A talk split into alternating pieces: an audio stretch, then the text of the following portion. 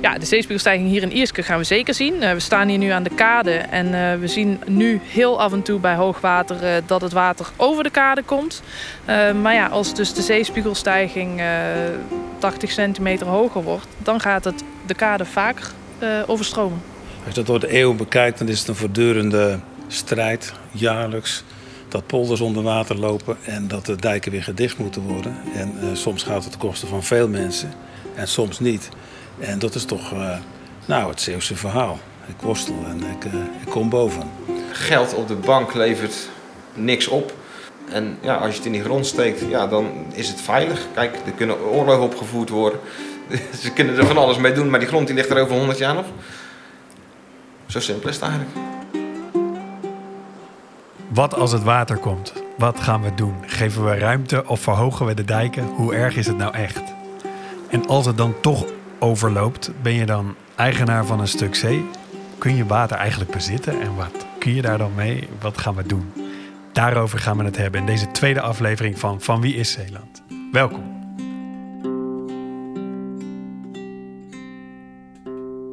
Ik ben Godelieve Spaas en uh, ik ben eigenlijk best wel bang voor de zee. En dat komt denk ik door mijn Belgische roots. Want toen, wij, toen we als kind hierheen kwamen, schrok mijn moeder zich echt rot van de hoeveelheid water in Nederland. En ze wist niet hoe snel ze ons moest leren uh, zwemmen, omdat ze voortdurend bang was dat we in een sloot of in een kanaal of in een zee zouden lopen en zouden verdrinken. Heb je leren zwemmen uiteindelijk? Ja, zeker. Maar ik ben wel een keer bijna verdronken in de zee trouwens. Kijk, het speelde allemaal mee. Ik ben Kees-Jan Mulder. Uh, ik heb ooit leren surfen op het Veerse Meer. Onder het motto, lukt het vandaag niet, dan lukt het morgen die merg is nog steeds niet helemaal gekomen. Want eh, ik vaar nu op een plank die een halfzinker zou moeten zijn. Maar hij zinkt de hele tijd helemaal. Dan heb jij uh, ook nog wat te leren, Kees-Jan. Sowieso. In de vorige aflevering keken we naar eigendom en hoe dat werkt. In deze aflevering gaan we kijken wat je kan doen met je eigendom. Ja, wat kun je zelf met eigendom als burger? Stel, ik wil iets met mijn stukje Zeeland. Ik wil er wonen of bouwen of iets verbouwen of ik wil het toekomstbestendig maken. Wat kan ik dan? Wat mag ik dan doen? En in hoeverre moet ik wachten tot de overheid uh, haar plannen bekend maakt? Of tot de plannen van de overheid bekend zijn? En, en, en die overheid die heeft een hoop plannen. En die heeft ook een hoop opdrachten. Ze moeten zorgen dat Zeeland klimaatneutraal wordt. Ze moeten zorgen dat er circulair wordt ondernomen. Dat de landbouw uh, ecologisch verantwoord uh, wordt. Met andere woorden, de uh, provincie heeft ook sturingsmechanismen nodig om dat voor elkaar te krijgen. En daar gaan we in deze aflevering dieper op in. Hoe kan de overheid land ruilen, onteigenen, bestemmingsplannen veranderen, dat soort dingen. Ja, want een heleboel van die plannen zijn plannen op de lange termijn. Maar de vraag is, wat kunnen we nu al doen? Wat mogen we nu al doen? En ook, wat kan de overheid nu al doen uh, als we die plannen ooit willen realiseren? Ja, en die lange termijn, die geeft ook de mogelijkheid om eens echt extreem anders te denken. Ik bedoel, over 100 jaar, 200 jaar, wat is er dan met die zeespiegel? En als we dat echt kunnen bedenken, dus echt even extreem voorbeelden uitzoeken, dan krijgen we misschien ideeën over hoe we nu al anders kunnen handelen als burger en als overheid. Ik denk dan wel meteen, het zet behoorlijk wat druk op, uh, op, op al die plannen. Omdat als het gaat over, je, je noemt de zeespiegel, als het daarover gaat, dan gaat het niet alleen maar over regeltjes en bestemmingsplannen, maar dan gaat het ook eigenlijk ten diepste over je identiteit als zeeuw. Ik worstel en kom boven.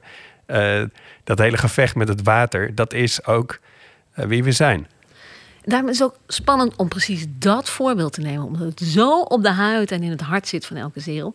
En dat weten we uit het verleden. Laten we eens kijken en beginnen in het archief.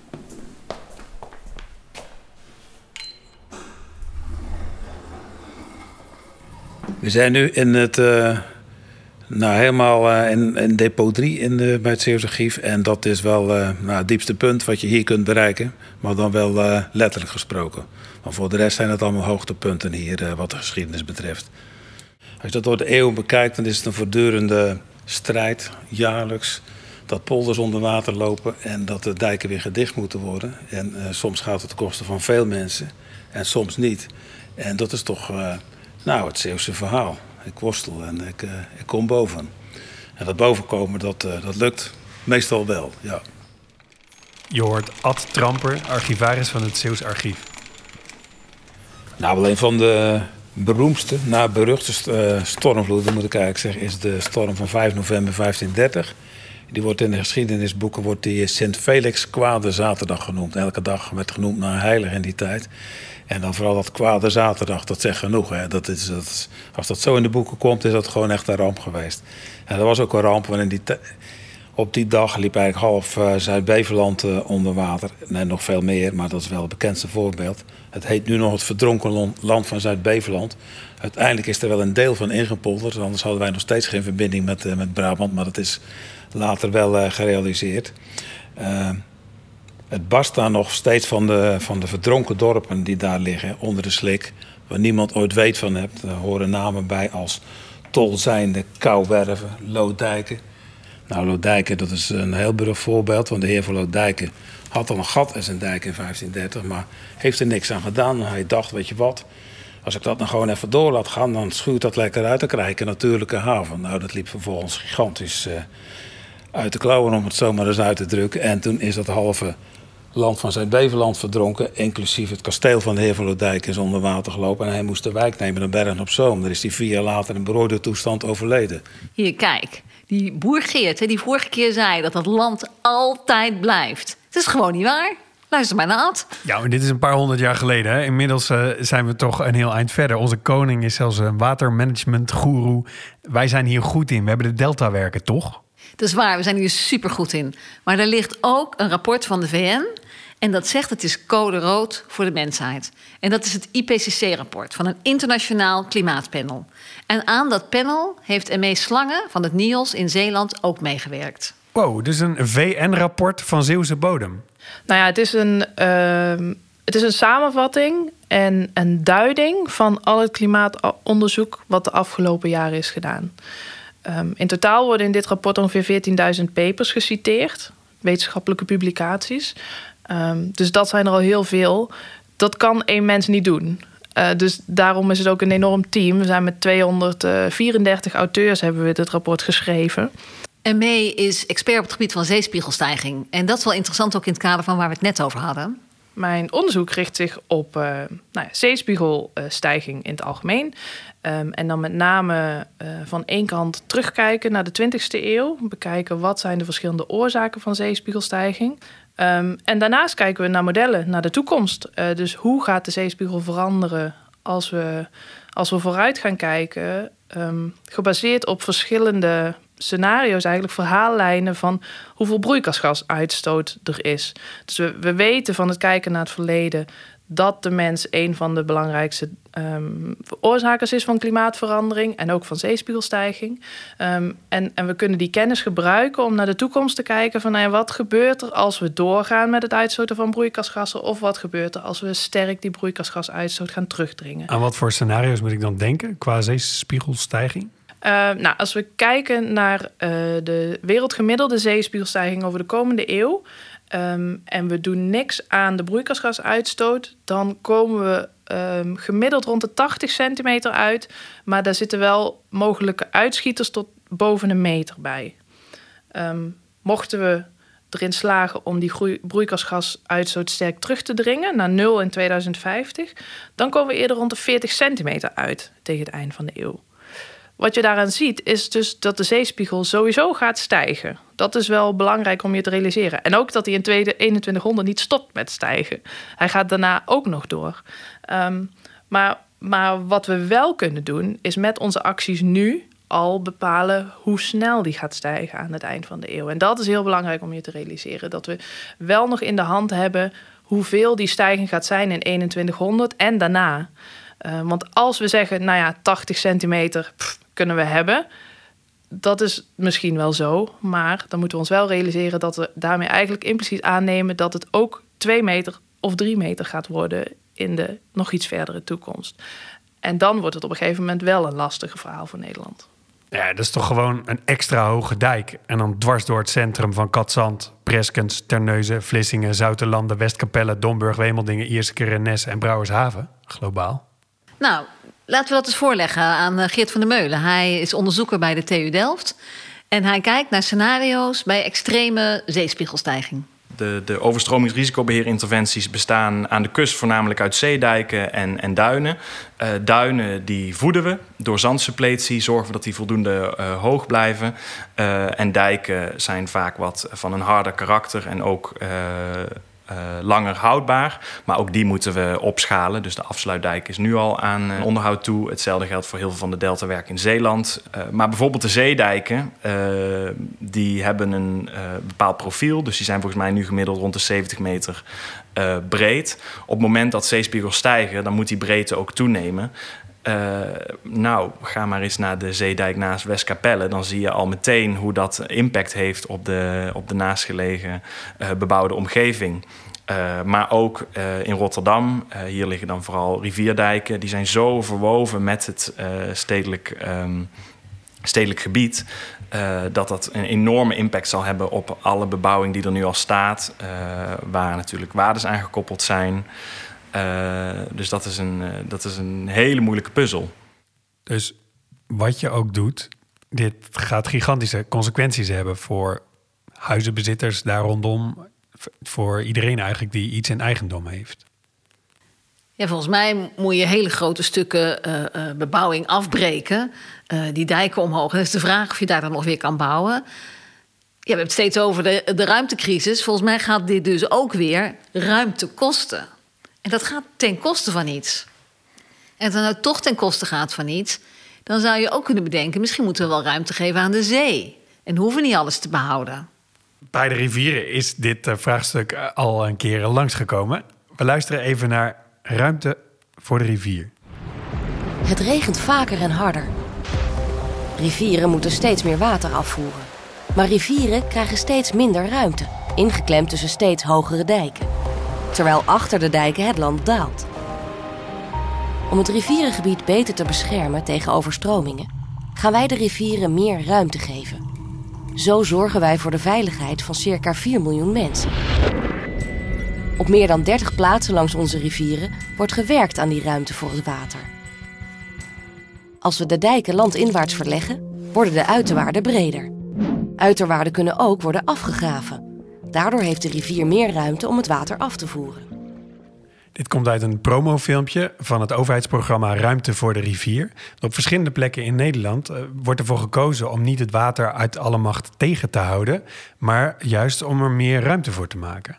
Dat heeft ook wel aantrekkingskracht op mij, moet ik zeggen, met die zee. Want op de een of andere manier zie ik voor me van die steeds hogere dijken, maar ook een steeds woestere en krachtiger zee of zo die ons bedreigt. Dus misschien, misschien is het wel een meer gentle aanpak of een meer uh, zachtaardiger aanpak om die zee wat ruimte te geven. Ja, ruimte tot waar? Tot, tot Amersfoort? Wat is het uh, plan? Als je dijken weghaalt, uh, hoe ziet die ruimte eruit? Nou, je verschuift volgens mij de dijken, waardoor de zee meer verder het land in komt en dus meer ruimte heeft, hè, dus lager komt, omdat er meer oppervlakte is. Ja, maar wie wil dat nou? Voor die grond is geknokt. Er is generaties op gewerkt, hoorden we van, uh, van Boer Geert. Uh, daar zijn heel veel, heel veel energie en tijd zit erin om dat vruchtbare grond te maken. En dan zou je daar opeens weer water overheen gooien. Dat, niemand wil dat. Dat is super gevoelig, super emotioneel. En volgens mij zijn we dan nu op het punt waar we het aan het begin van de aflevering al over hadden. De overheid. Wat voor, wat voor tools heeft dan de overheid om iets te doen met de grond die nog niet van de overheid is op dat moment? Nou, de meest extreme tool die de overheid heeft is onteigening. Bij onteigening is het, krijg je een zak geld met een enkele reis naar een onbekende bestemming. En dat klinkt verschrikkelijk onaardig. Ja, zo van, hé, maar er zijn er dus mensen die met een situatie opgescheept zitten waar ze niet om gevraagd hebben. Aan de andere kant, ze worden daar per definitie voor gecompenseerd. Uh, je hoort Lara Brandt van het kadaster. Uh, we hoorden haar de vorige aflevering ook al. Um, en zij weet heel veel over onteigening. En het interessante is dat we onteigening eigenlijk altijd gebruiken als er een probleem is. Dus als je land water wordt, dan koopt de overheid het van je terug. Weliswaar gedwongen, maar ze kopen het van je terug. En ik vraag me af van, als ik nou dat water gewoon wil houden. Ja, dan ben je opeens de trotse eigenaar van een mooi, mooie lap water. Dat, uh, nou ja, eh, oké, oké. Ik, uh, ik moet even switchen. Dus ik krijg geen geld meer terug van de overheid, maar ik ben de eigenaar van een, van een stuk water. En daar kan ik dan een wierboerderij op beginnen. Of een drijvende waterscooterverhuur. Of een surf. Nou, qua surfen zou het wel heel, heel lekker zijn. Misschien een drijvend restaurant. Ik, ik probeer even te denken wat. Ja, misschien moeten we niet alleen denken aan dingen op het water. maar ook aan het leven in het water. Wat kunnen we met de wieren, met de algen. En, en als we dan echt werken met dat water en op dat water. zouden we dan niet net zoveel van het water moeten houden. als we nu van het land houden? En dus dat we het water niet meer gaan zien als vijand, maar steeds meer als een soort vriend, waar we ook een goede relatie mee kunnen hebben. Nou, dat is de vraag die kunstenaar Lisanne Buik zich stelt in het werk wat zij maakt voor Zeeland. Als je echt samen wil werken met de zee, dan moet je daar een relatie mee aangaan. Niet alleen een technologische relatie, al hebben dijkverhogingen en weersvoorspellingen zeker een rol te spelen, maar laten we de empathische relatie voorop stellen. Een relatie die zee en mens gelijk aan elkaar stelt. Daarom stel ik voor om de zee een centrale plek te geven in ons cultureel erfgoed. En wie helpt ons daarbij? Algen en wieren. Algen en wieren zijn de toekomst. Een CO2-negatieve vorm van biobrandstof, een zeer voedzame voedselbron. Chlorella bijvoorbeeld bevat drie keer meer eiwitten dan rundvlees een zuurstofproducerende vorm van bioplastic om bijvoorbeeld klederdrag van te maken dat leeft en ademt en geen plastic soep oplevert. We kunnen ons best doen om algen op de kaart te zetten, wieren te integreren in de Zeeuwse haute cuisine en rituelen ontwikkelen om met de zee een relatie op te bouwen. En het is super gaaf, want als je dat als je dat goed doet, dan kan je dat zelfs zo doen dat die alg blijft leven als je hem draagt als kleding.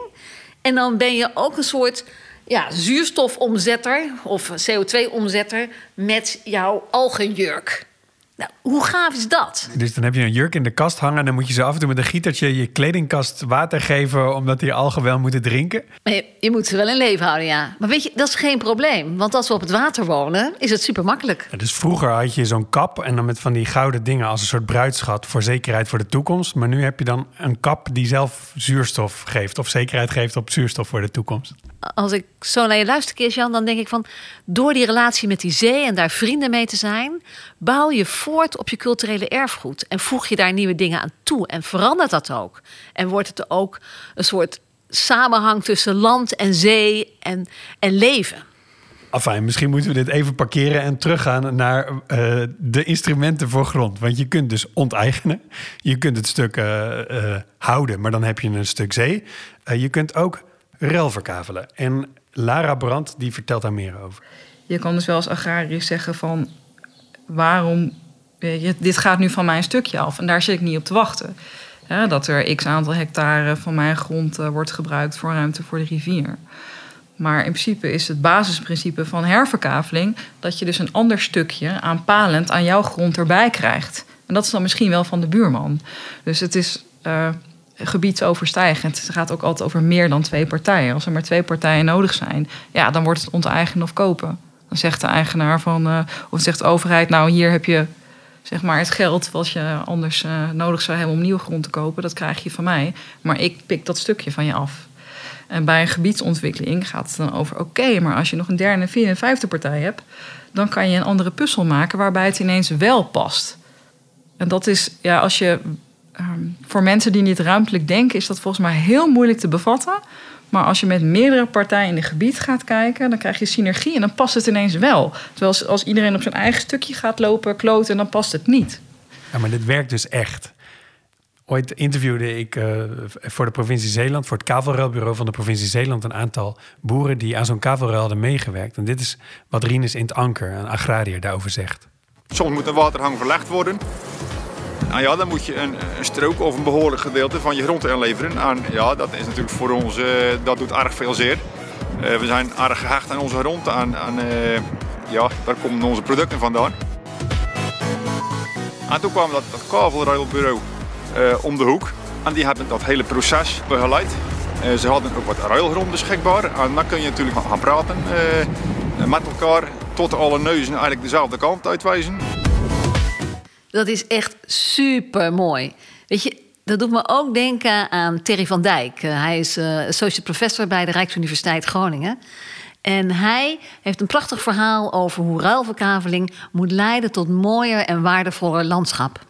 En dat principe is eigenlijk de uh, driver achter ruimte voor de rivier geweest. Daarvan is zelfs wettelijk vastgelegd. We gaan hoogwaterbescherming toepassen.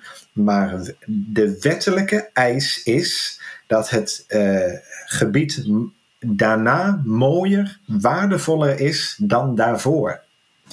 En de ouderwetse dijkverhoging gaf vaak veel weerstand en vaak ook beschadiging van cultuurhistorisch erfgoed. En uh, de regel was dat dus niet. Maak iets waar eigenlijk iedereen van zegt van we zijn nu beter af dan we hiervoor waren. En dat zie je ook bij projecten als um, de bypass bij Kampen bijvoorbeeld, waar die waterafvoer. Nou ja, Kampen zelf liep risico, daar, daar moest iets gebeuren. De bypass werd gelanceerd als een manier om dat te doen. En dan is het kunst om eigenlijk te laten zien van ja, dat is niet alleen maar een hoogwateroplossing, maar dat levert ook uh, ecologische uh, uh, regeneratie in die IJsseldelta. Wat niet alleen gewoon mooi is, maar wat ook planologisch wisselgeld zou kunnen zijn om later ergens anders iets te doen wat ten koste van natuur gaat. Want je creëert immers bij voorbaat al heel veel extra natuur. Maar het kan ook een recreatieagenda aanjagen, die misschien latent was. Niemand droomde ervan om dat te doen, want het kon immers nog niet. Maar nu deze hoogwateroplossing dan wordt voorgesteld, dan wordt opeens duidelijk dat een paar andere agenda's toch ook wel heel, heel lekker smaken. En dan wordt er dus nationaal een goede oplossing gevonden die lokaal waarde toevoegt. Wat ik echt super gaaf vind aan uh, wat Terry zegt, is is dat je dus echt landschap gaat scheppen. Dat je, dat je nieuwe mogelijkheden, nieuwe creaties gaat maken. En niet alleen maar ruilt. En wat ik nog veel leuker vind, is dat je, wat je dus doet. Als het ingewikkeld wordt en je komt er niet meer uit. Dat je dan niet meer focus en meer gaat onderhandelen en toch maar dwang en onteigenen. Want je zegt: nee, weet je wat? We maken het speelveld nog een beetje groter. Je trekt er meer mensen bij. Ja, en, en eigenlijk complexer. En dan wordt het makkelijker. Dat vind ik het mooie aan dat er dus twee smaken zijn. Je kan zeggen, geef mij maar die zak met geld en een onbekende bestemming. Of je kan zeggen, nee, ik, ik wil graag een ander plekje in hetzelfde gebied. En uh, dan zou je kunnen denken, waarom zou iemand dat willen? Dat heeft ermee te maken dat grond niet alleen een productiefactor is, maar grond is ook emotie. En de mensen die in het buitengebied werken met de kavelruil en de herverkaveling, die weten dat als geen ander. Het is ook een soort ja, bijna psychologisch proces waar je met elkaar zit. Van oké, maar ik heb dat nodig van jou. Oké, maar ik wil dan dat van jou. En dat spel om met elkaar te gaan naar een ultieme inrichting, dat kost tijd. Ik zou ook haast willen zeggen dat kost liefde. En dat kost kruim. En dat kost ook een stukje. Ja. Uh, je hebt daar mensen voor nodig die daar echt voor gaan. Die zich dan. Uh, verantwoordelijk voelen voor zo'n gebied en die een band opbouwen met de eigenaren. En die op een gegeven moment weten van wie wie is en hoe je uiteindelijk in die forward komt. Dus het is echt een vak. Even, hè, als ik het goed begrijp, hebben we dus drie manieren om om te gaan met land wat opeens water wordt of wat op een andere manier verdeeld moet worden. Dat is onteigenen, dat is zakelijk ruilverkavelen, hè, dus herverdelen. Of dat is eigenlijk creatief de grond opnieuw um, toedelen en maken. Dus nieuw landschap maken. Ik weet niet of je niet toch altijd in de situatie van winnaars en verliezers terechtkomt op het moment dat je gaat proberen om een nieuw landschap te maken. Ik hoorde laatst op de radio een discussie tussen de burgemeester van een nieuw te bouwen dorp en uh, Jan Rotmans. Dit is de dag. Met Bert van Leeuwen. En dan een bijzonder groots plan. Er komt een compleet nieuw dorp in de Zuidplaspolder tussen Gouda en Rotterdam. Een gebied op 6 meter onder zeeniveau. En dat terwijl het water de komende jaren alleen maar verder stijgt en de polder zakt. Han Weber, burgemeester van de gemeente Zuidplas, acht het helemaal veilig. Maar hoogleraar transitiekunde Jan Rotmans waarschuwt voor overstroming in het nieuw te bouwen dorp. Ik zou zo graag willen dat de bestuurders met visie op de lange termijn zouden zijn. Die ook gewoon een statement afgeven. Over 100 jaar dit is min 6 meter. Het diepste punt is min 6, uh, drie kwart meter. Over 100 jaar spreken we over ongeveer min 8, min 9. Misschien wel min 10. Hè? Dat gebied zakt met een centimeter per jaar. We krijgen 1 à 2 meter zeespiegelstijging erbij. Dat is één. Ten tweede, die weersextremen. Vorige maand overstromingen in Limburg.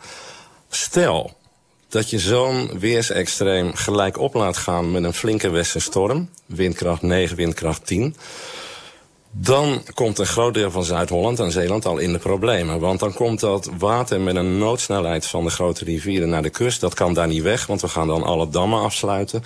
Dat was tot voor kort moeilijk denkbaar, maar nu wel. En het nieuwe IPCC-rapport zegt ook dat die extreme, dat we die kunnen verwachten, nou, elke tien jaar.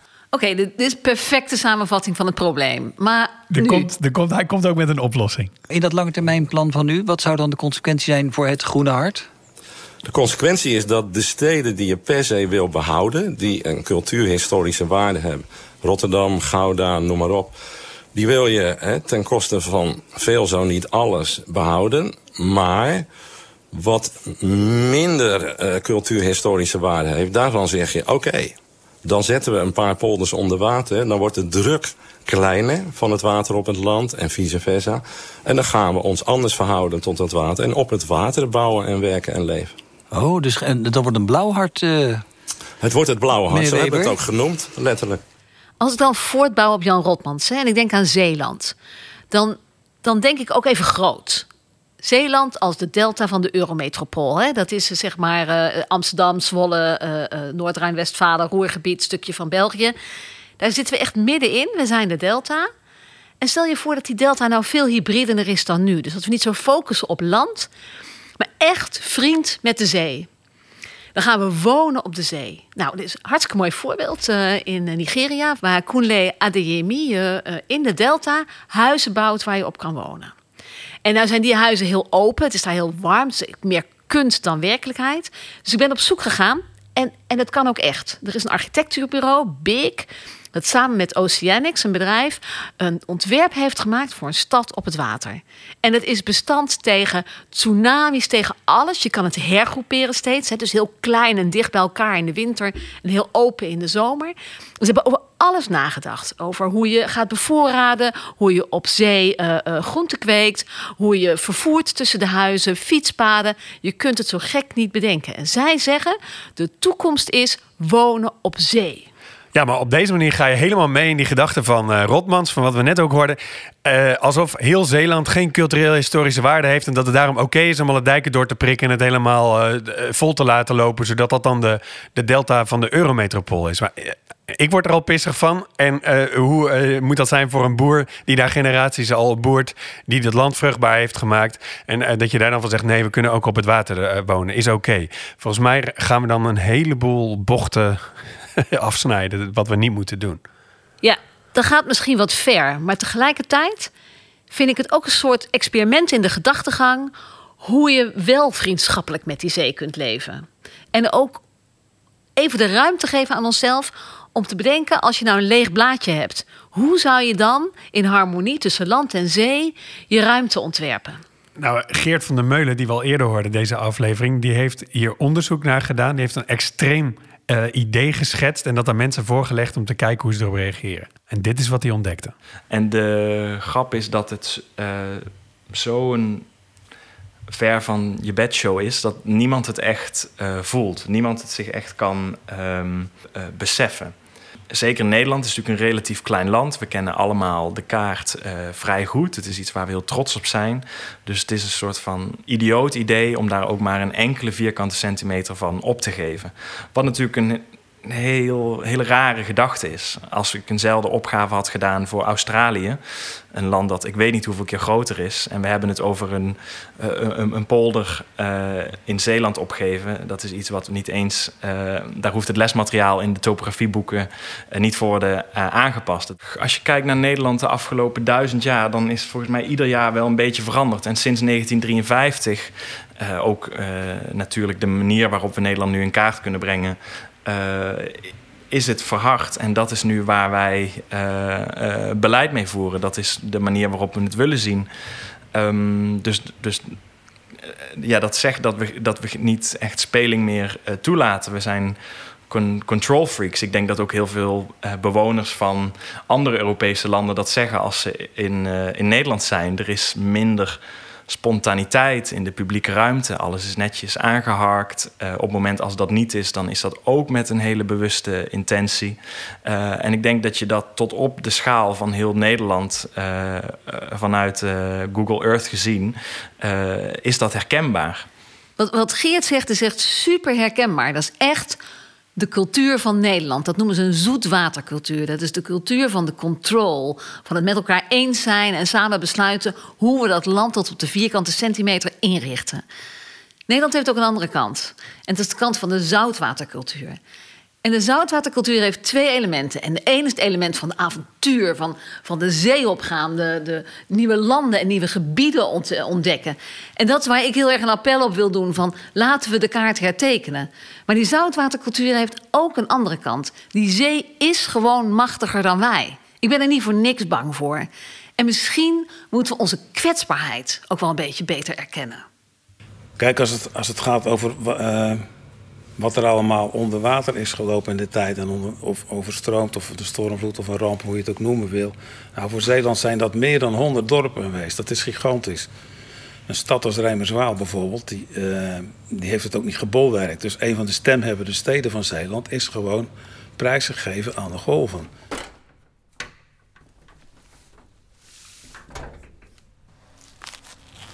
Rijmerswaal is nog wel steeds op zo'n kaart. Uh, nou, dat is een kaart van. Uit de 17e eeuw is nog wel, uh, nog wel te zien. Als een, als een soort verlaten eiland. Als je het nu zou moeten plaatsen, waar ligt dat Rijmerswaal dan? Nou, dan moet je het half onder de Oesterdam denken, richting Tolen. Daar ligt ooit het. nou ja, ik kan niet zeggen het Roembrugte, maar het was best wel een aardig plaatsje, Rijmerswaal. 1530 liep het onder water. Ze hebben het nog heel lang kunnen redden, een eeuw lang. Maar na 1630 vertrok de laatste inwoner van Rijmerswaal, van de stad. Kun je eigenlijk niet voorstellen dat een stad als Goes zo, of Tolen, dat dat gewoon opgegeven moet worden. Ja, je kunt je afvragen waarom hebben ze dat dan niet uh, weten te behouden dan? Nou, de, de, middelen waren best wel beperkt, denk ik, in die tijd. Het water kwam gewoon steeds verder op. Je kunt wel um, blijven inpolderen en proberen het water... Uh, weg te bemalen. Maar op een deur houdt het ook op en moet je, moest men de strijd ook wel opgeven. Wij zijn toch gewend om altijd de strijd te winnen als het gaat over techniek en, en de natuur naar je hand zetten. Maar dat was toen niet zo. Ja, maar dit is 1600 of zoiets. Wij, we zijn technologisch zoveel verder. Uh, waarom zouden we toestaan dat, dat, dat we het water over ons heen laten komen? Plus, we investeren de hele tijd om de dijk een stukje te verhogen. Daar zit zo verschrikkelijk veel geld in dat volgens mij niemand bereid is om uh, te zeggen: uh, nee, laat het toch maar zitten, laat het toch maar eroverheen komen. We hebben al zoveel geïnvesteerd. Maar is het dan niet juist nu het moment om het erover te hebben? Want anders blijven we nog jaren investeren. Het is alleen maar steeds meer opgebouwd en dan willen we nooit meer terug als je het zeg maar, over zeespiegelstijging hebt en het beleid uh, dat uh, aan de hand daarvan al wordt gevoerd, is het Nederlandse beleid een voorbeeld van incrementalisme. Dus dat we kijken naar uh, beleidsbeslissingen uit het verleden en de beleidsbeslissingen in de toekomst daarop baseren in plaats van steeds. Um, alles heroverwegen. En dat is ook logisch. Um, en dan een factor die daarin ook meespeelt, is dat een land als Nederland of heel veel landen in Europa, uh, daar is het sunk cost effect heel, uh, heel relevant. Dus wij hechten heel veel waarde aan eerder gemaakte investeringen. Dus een voorbeeld dat ik vaak gebruik nu ik uh, uh, lessen geef op middelbare school, is een duurste voetbalspeler in een voetbalteam. Die ongeacht zijn of haar uh, prestatie het hele seizoen wordt ingezet. Want dat was nou eenmaal die hele dure speler die ze hebben overgekocht van een andere club. Zo werkt het in Nederland ook. Als er eenmaal een gebouw is neergezet, Um, dan is het uh, lastiger te bevatten dat het gebouw weer moet wijken, omdat uh, scenario's anders hebben uitgepakt. Dat is ook de manier waarop wij gebouwen neerzetten. Gebouw is hierin natuurlijk een, een, metafoor voor stad, infrastructuur, et cetera, et cetera. Um, um, wij zien dat als iets vast. Dat, uh, dat kan niet wijken, dat is minder flexibel. zo werken er heel veel dingen in de bouw. Afgezien van geld, we gaan sowieso ook tegen technologische grenzen aanlopen. Hoe hoog kunnen we dijken maken? En, en hoe breed? Hoe moeten we ons landschap dan veranderen? Eh, de zoute kwel die we tegenkomen. Het feit dat we water uit de rivieren de zee in moeten pompen... omdat het er niet meer in kan stromen vanwege het hoogteverschil. Er is gewoon een grens. Ik bedoel, we moeten nu beginnen. Met wat? Eh, Opgeven? Dat we dus al het boerenland waar generaties in geïnvesteerd is, eh, toch laten pakken door de zee? Eh, of dat we van dorpen zeggen: nee, geen cultuurhistorische waarde. Wie bepaalt dat? Bepalen dat weer de mensen uit Amsterdam en Rotterdam en Gouda? Waarom? Waar, waar- waar- eh, emergo. Ik wil ontworstelen in plaats van hierin verzuipen. Je hebt gelijk, dit is, dit is natuurlijk een mega dilemma. Wat is het waard om te behouden? Wat is het, hè, wat niet? Wat En wie geven we op? dat? En wie... En dan kom ik ook terug bij de eerste aflevering. Is het dan de macht van het geld die dat bepaalt? Of zijn wij dat met z'n allen die dat bepalen? We- laten hem even hangen. Nou, in die zin, luisteraar, dit willen we van jullie horen. Roep het maar, vertel het maar. Eh, kom even op die LinkedIn-groep van Wie is Zeeland... of ga naar de website van de provincie Zeeland... en eh, kom met voorstellen. Wie mag hierover beslissen? En wat eh, moet dan leidend zijn? En wat eh, is het dorp waar we als laatste man uit vertrekken? En wat gaan we eh, tot, tot in, de, in de treuren proberen te verdedigen? Vertel het ons. Dan nemen wij dat mee in de volgende afleveringen. Dit is natuurlijk super dilemma. Maar weet je, misschien, misschien helpt het, hè? Want het idee laten we met die ruilverkaveling de wereld weer groter maken. Misschien, misschien moeten we nog één stap verder gaan in die ruilverkaveling. En de zee toevoegen in het ruilen en hermaken. Ja, we gaan er even een puzzelstukje bij leggen. Soms kun je daardoor de puzzel beter maken. Eh, toen de orkaan Sandy in Amerika eh, overwoei... toen zat ik daar in Amerika in de schuilkelder de koelkast leeg te eten. Dus ik weet het nog goed. In New York was er toen een enorm probleem... want alle voedselvoorziening was weg in één keer... omdat de logistiek weg was. En dat gegeven zette een groep Rotterdamse ondernemers aan het denken. Dat was in 2012. En het bleek eigenlijk dat binnen, ja, na zo'n storm, de hele voedselvoorziening van die stad onder water lag. En eh, hoe kwam dat? Eh, Het bleek dat de achterland van eh, New York eh, eh, werd, door de, werd, werd door de hurricane eigenlijk stevig geraakt. En dat is, was precies het hele logistieke centrum van eh, de hele voedselvoorziening voor de hele stad. En wat bleek, die kwam onder water te liggen, waardoor de stad eigenlijk geen voedsel meer kon maken. En eh, toen was eigenlijk de gedachte van, ja, maar hoe kan het nou? We hebben eigenlijk in een stad helemaal geen eigen voedselproductie meer. We zijn alleen maar afhankelijk van logistiek. Waarom kunnen wij voedselproductie niet terug naar de stad halen? Ja, en dan kom je eigenlijk op alle grote steden in de wereld, inclusief Rotterdam, eh, waar wij nu eh, staan op de floating farm. Met waar is er ruimte? Dus op waterruimte. Dus laten we een boerderij op, ruimte, op water maken. Eigenlijk is dat de, de, de gedachte geweest. En hoe kunnen we eigenlijk voor zorgen dat wij voedsel kunnen maken in de stad, voor de stad, met de stad? Maar van wie is dat water dan, waar die koeien op staan? We zitten hier eh, in de haven van Rotterdam. We zitten eigenlijk uh, de laatste haven van Rotterdam. We zitten tegen Schiedam aan, de Mervierhaven uh, zitten wij.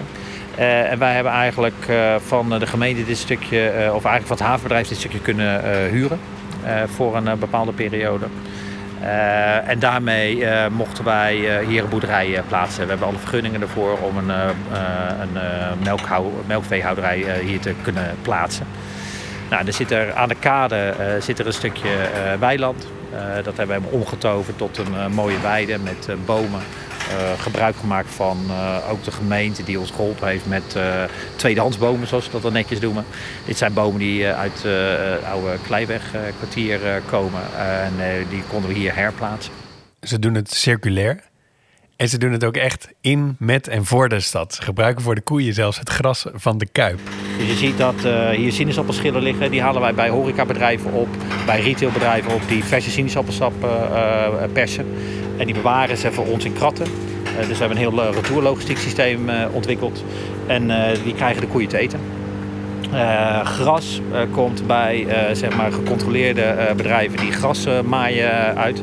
dus dan kom je, moet je bijvoorbeeld denken aan de Kuip, het Feyenoordstadion. dat gras wordt gecontroleerd. dus we weten zeker dat er geen chemische of, of, bestrijdingsmiddelen op zitten.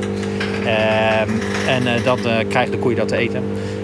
Drie keer per week halen we ook de bierborstel op bij de bierfabriek hier verderop.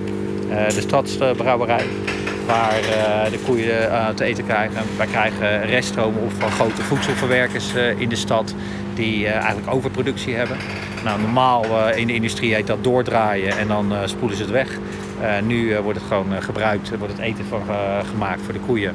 En die koetjes krijgen het, weet je, die maken er weer mooie melkproducten van. Ja, tof idee, maar ik ben wel benieuwd, is het dan schaalbaar? Hè? Ik probeer me nu toch nog weer terug even voor te stellen hoe we die floating city hebben. Met daar overal floating koeien, varkens, kippen tussen. nou, wij geloven heel erg in dat het super schaalbaar is.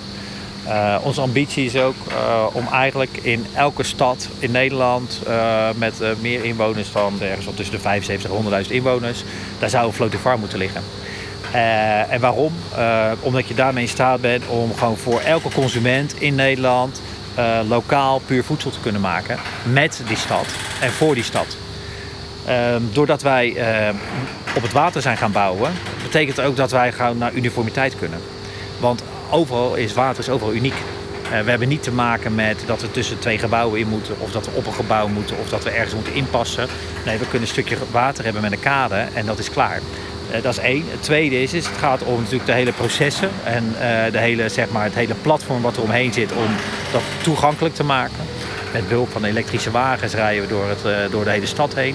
Waardoor we met eigen zonne-energie we ook zo goed als duurzaam kunnen werken. Nou, dit kan je eigenlijk overal uh, toepassen. Uh, en in elke stad uh, kan je dus met de elektrische wagens of de elektrische fietsen... kan je eigenlijk dat logistieke concept neerzetten. Want onze logistieke stromen zijn bijna niet nieuw. En wij rijden maximaal 15 kilometer naar een klant. Max. Nou, in de hedendaagse voedselketen ga eens naar een gemiddelde supermarkt... geef mij eens wel, geef me, wijs me eens een product aan die korter dan 200 kilometer gereden heeft. Dat is bijna onmogelijk. Dus daar zit een heel groot uh, uh, verschil in, uh, in logistiek. Ja, en bij ons is het leuk is als je nu op de boerderij staat, je kijkt links, zie je gewoon de haven. En ja, je ziet het, de grote overslagkranen staan hier te draaien. En tegelijkertijd heb je hier een boerderij met koetjes. dus je hebt eigenlijk een heel divers beeld. Nou, ik word er helemaal blij van. Het is niet de eerste keer in de geschiedenis dat een ark een uitweg was. Dit, uh, dit geeft de burger moed. Er, is dus, uh, er zijn oplossingen te bedenken. Ja, ik wil de pret niet bederven, maar wat ik toch wel overhoud in deze hele uitzending is dat het super ingewikkeld is om die grote draai te maken. En dat het net lijkt alsof er steeds iets ergs moet gebeuren voordat we het gaan doen. 1953 was niet eens de eerste overstroming. We hebben uh, aan het begin van die eeuw ook uh, overstroming in de Zuiderzee gehad. waarna besloten is de plannen die er al lagen voor de afsluitdijk... en natuurlijk het inpolderen van de, van de Flevopolder... Um, het, probleem is echter dat, net zoals met de deltawerken... die plannen lagen er ook al voordat we in 1953 de, de waternoodramp hadden. Maar dat steeds een ramp de, de noodzaak evident maakt. Dus uh, pas na een ramp besluiten we over te gaan... tot de plannen die al op tafel lagen. lagen. Dus het is een beetje gek dat als je naar de geschiedenis kijkt... dat je uh, een, een, een, lijn van catastrofes ziet en een lijn van kennis. En zeker nu zou je kunnen zeggen dat die lijn van kennis ruim boven de, de lijn van catastrofes ligt, maar dat dat gewoon onvoldoende is om ons tot handelen te zetten. Uh, en dat is niet alleen met zeespiegelstijging zo. Hetzelfde geldt voor uh, het, uh, het, vele vliegverkeer of overmatig plastic gebruik of vleesconsumptie. Het zijn allemaal dingen waar we voldoende signalen hebben, maar toch heel lastig zijn vinden om over te stappen op, op een andere manier van doen. Zowel als individu als met z'n allen als collectief.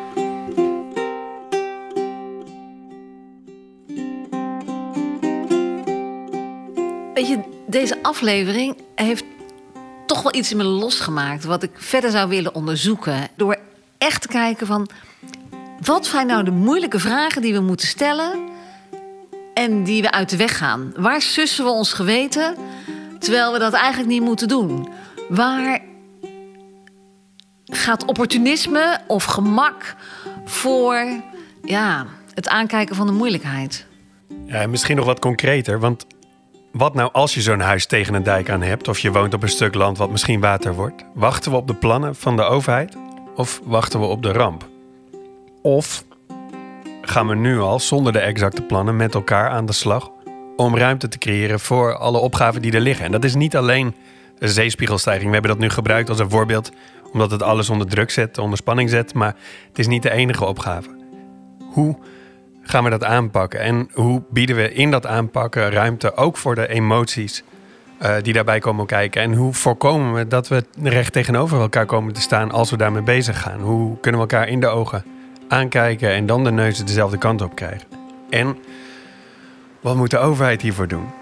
Moeten die uh, strategisch aankopen en dan kavo ruilen? En accepteren we het risico wat, wat daar dan weer bij komt kijken? We zijn ongelooflijk benieuwd naar jullie gedachten, jullie ideeën hierbij. Dus blijf je reacties en je ideeën en je vragen en je verlangers sturen en delen op de LinkedIn-pagina van Wie is Zeeland of op de website van de provincie Zeeland. En vergeet je niet te abonneren, want dan blijf je automatisch op de hoogte van de volgende afleveringen. Deze podcast is een autonome productie van de makers en werd mede mogelijk gemaakt door de provincie Zeeland. Als deel van een groter project waarin we op zoek gaan naar nieuwe instrumenten voor grondbeleid. Interviews en montage werden gedaan door Allard Amelink. Muziek is van Broeder Dieleman. En het doel is om het gesprek over van wie is het land en het water aan te zwengelen en om jullie te inspireren. En hopelijk is dat ook dit keer weer gelukt.